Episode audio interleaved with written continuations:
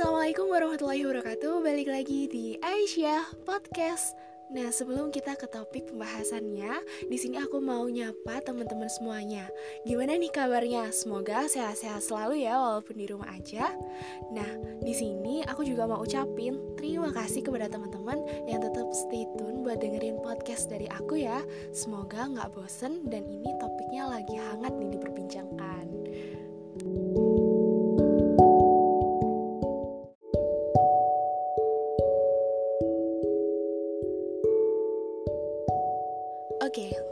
Tanpa berlama-lama lagi langsung saja kita ke topik pembahasan yang akan kita bahas yaitu mengenai overthinking. Nah, gimana sih overthinking di dalam Islam ini dan gimana cara ngatasinnya buat rasa overthinking ini? Karena sebenarnya rasa overthinking ini tuh wajar ya teman-teman. Di mana overthinking itu adalah hal yang normal yang ada pada diri seseorang. Namun ketika kita terus melakukan overthinking ini justru akan berdampak buruk pada diri kita sendiri.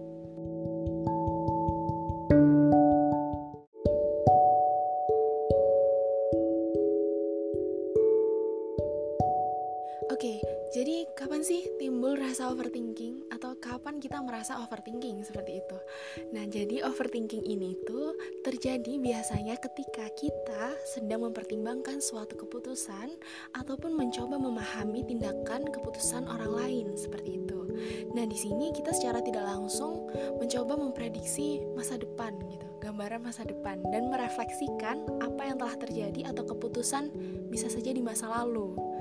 Nah, di mana hal tersebut dapat mempengaruhi mental kita sendiri dan akhirnya kita menjadi terjebak dalam keputusan yang mungkin masa lalu kita buat ataupun masa sekarang yang kita buat sendiri di dalam pikiran kita.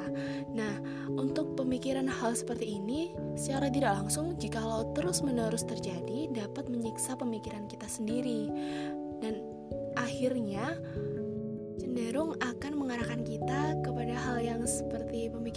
negatif seperti itu.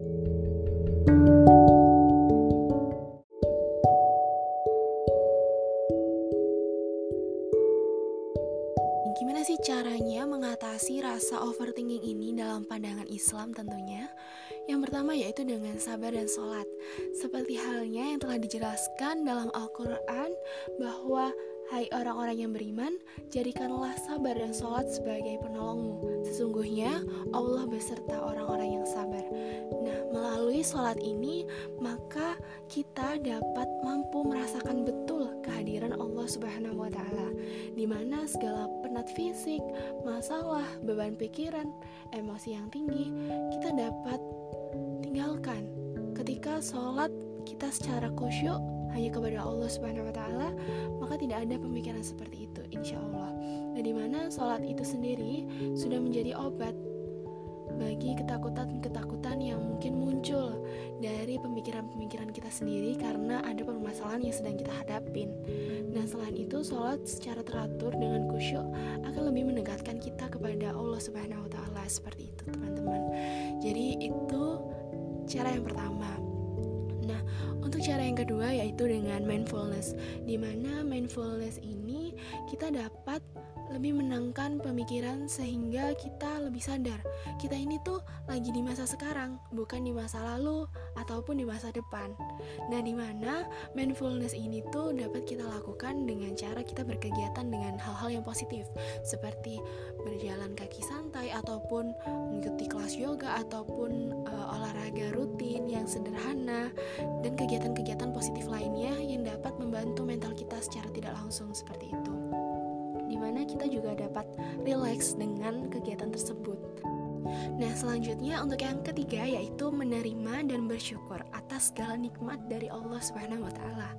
Di mana dalam Al-Qur'an surah Al-Baqarah telah dijelaskan yaitu orang-orang yang apabila ditimpa musibah mereka mengucapkan inna lillahi wa inna ilaihi rajiun. Nah, di mana merupakan memiliki arti segala puji bagi Allah, Rabb semesta alam, dan kami ini kepunyaan Allah, dan kepadanya juga kami akan kembali.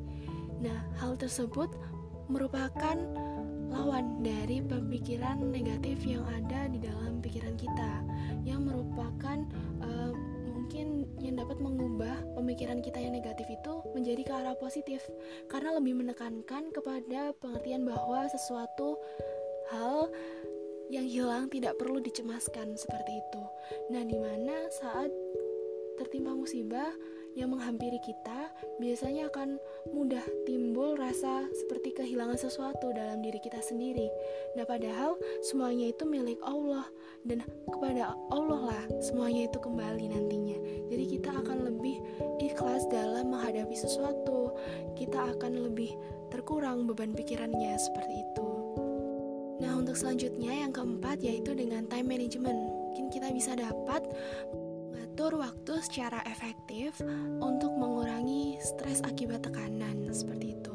Nah, untuk yang kelima yaitu dengan melakukan puasa, di mana telah dijelaskan dalam Al-Qur'an surah Al-Baqarah Allah berfirman yang artinya Wahai orang-orang yang beriman, diwajibkan kamu berpuasa sebagaimana diwajibkan atas orang sebelummu. Nah, kemudian Al-Baqarah ini juga menjelaskan di dalamnya terdapat kalimat di mana Allah berfirman dan puasa itu lebih baik bagi kamu kalau kamu sekalian mengetahui. Nah, dengan puasa di sini Allah mengajarkan kita ikhlas, tabah dan sabar dalam menjalani sesuatu. Nah, di sini kita dapat belajar untuk lebih mengasah hati untuk menjadi lebih lembut serta peka terhadap lingkungan seperti itu. Nah, di mana secara tidak langsung dapat merefleksikan adanya uh, pemikiran-pemikiran yang negatif yang mungkin timbul di dalam pikiran kita dan dapat membantu secara psikologis juga untuk mencegah timbulnya stres yang mungkin dapat terjadi ketika kita berpikiran negatif seperti itu. Nah, bisa mengurangi juga rasa kecemasan dengan berpuasa ini dan kita juga lebih merasa ikhlas dalam menghadapi sesuatu. Baik, selanjutnya untuk yang keenam yaitu dengan membaca ayat-ayat Al-Quran di mana dalam surah Al-Fusilat Allah berfirman bahwa Al-Quran itu adalah petunjuk dan penawar bagi orang-orang yang beriman. Dan di sini kita ditekankan untuk bahwa mempercayai bahwa Al-Quran ini tuh sebagai penyembuh dari berbagai penyakit, di mana tentunya penyakit terutama penyakit stres jadi kita lebih ke relax seperti itu membaca ayat-ayat Al-Quran lebih fokus seperti itu nah untuk selanjutnya yang terakhir yaitu Cara yang dapat mengatasi overthinking ini adalah dengan doa dan zikir, di mana Allah berfirman bahwa dalam surah Ar-Ra'd, ingatlah dengan hanya mengingat Allah lah hati menjadi tentram. Sebagai insan yang beriman, doa dan zikir menjadi sumber kekuatan bagi kita dalam setiap usaha yang kita lakukan. Dengan adanya harapan yang tinggi disandarkan kepada Allah Subhanahu wa taala. Nah, demikian pun apabila ada kekhawatiran terhadap sesuatu ancaman, maka disandarkan juga kepada Allah Subhanahu wa taala dan senantiasa melalui doa dan zikir di mana perasaan menjadi lebih tenang dan khusyuk yang ada pada akhirnya akan mampu meningkatkan kemampuan berpikir kita lebih jernih dan membantu emosi kita agar lebih terkendali.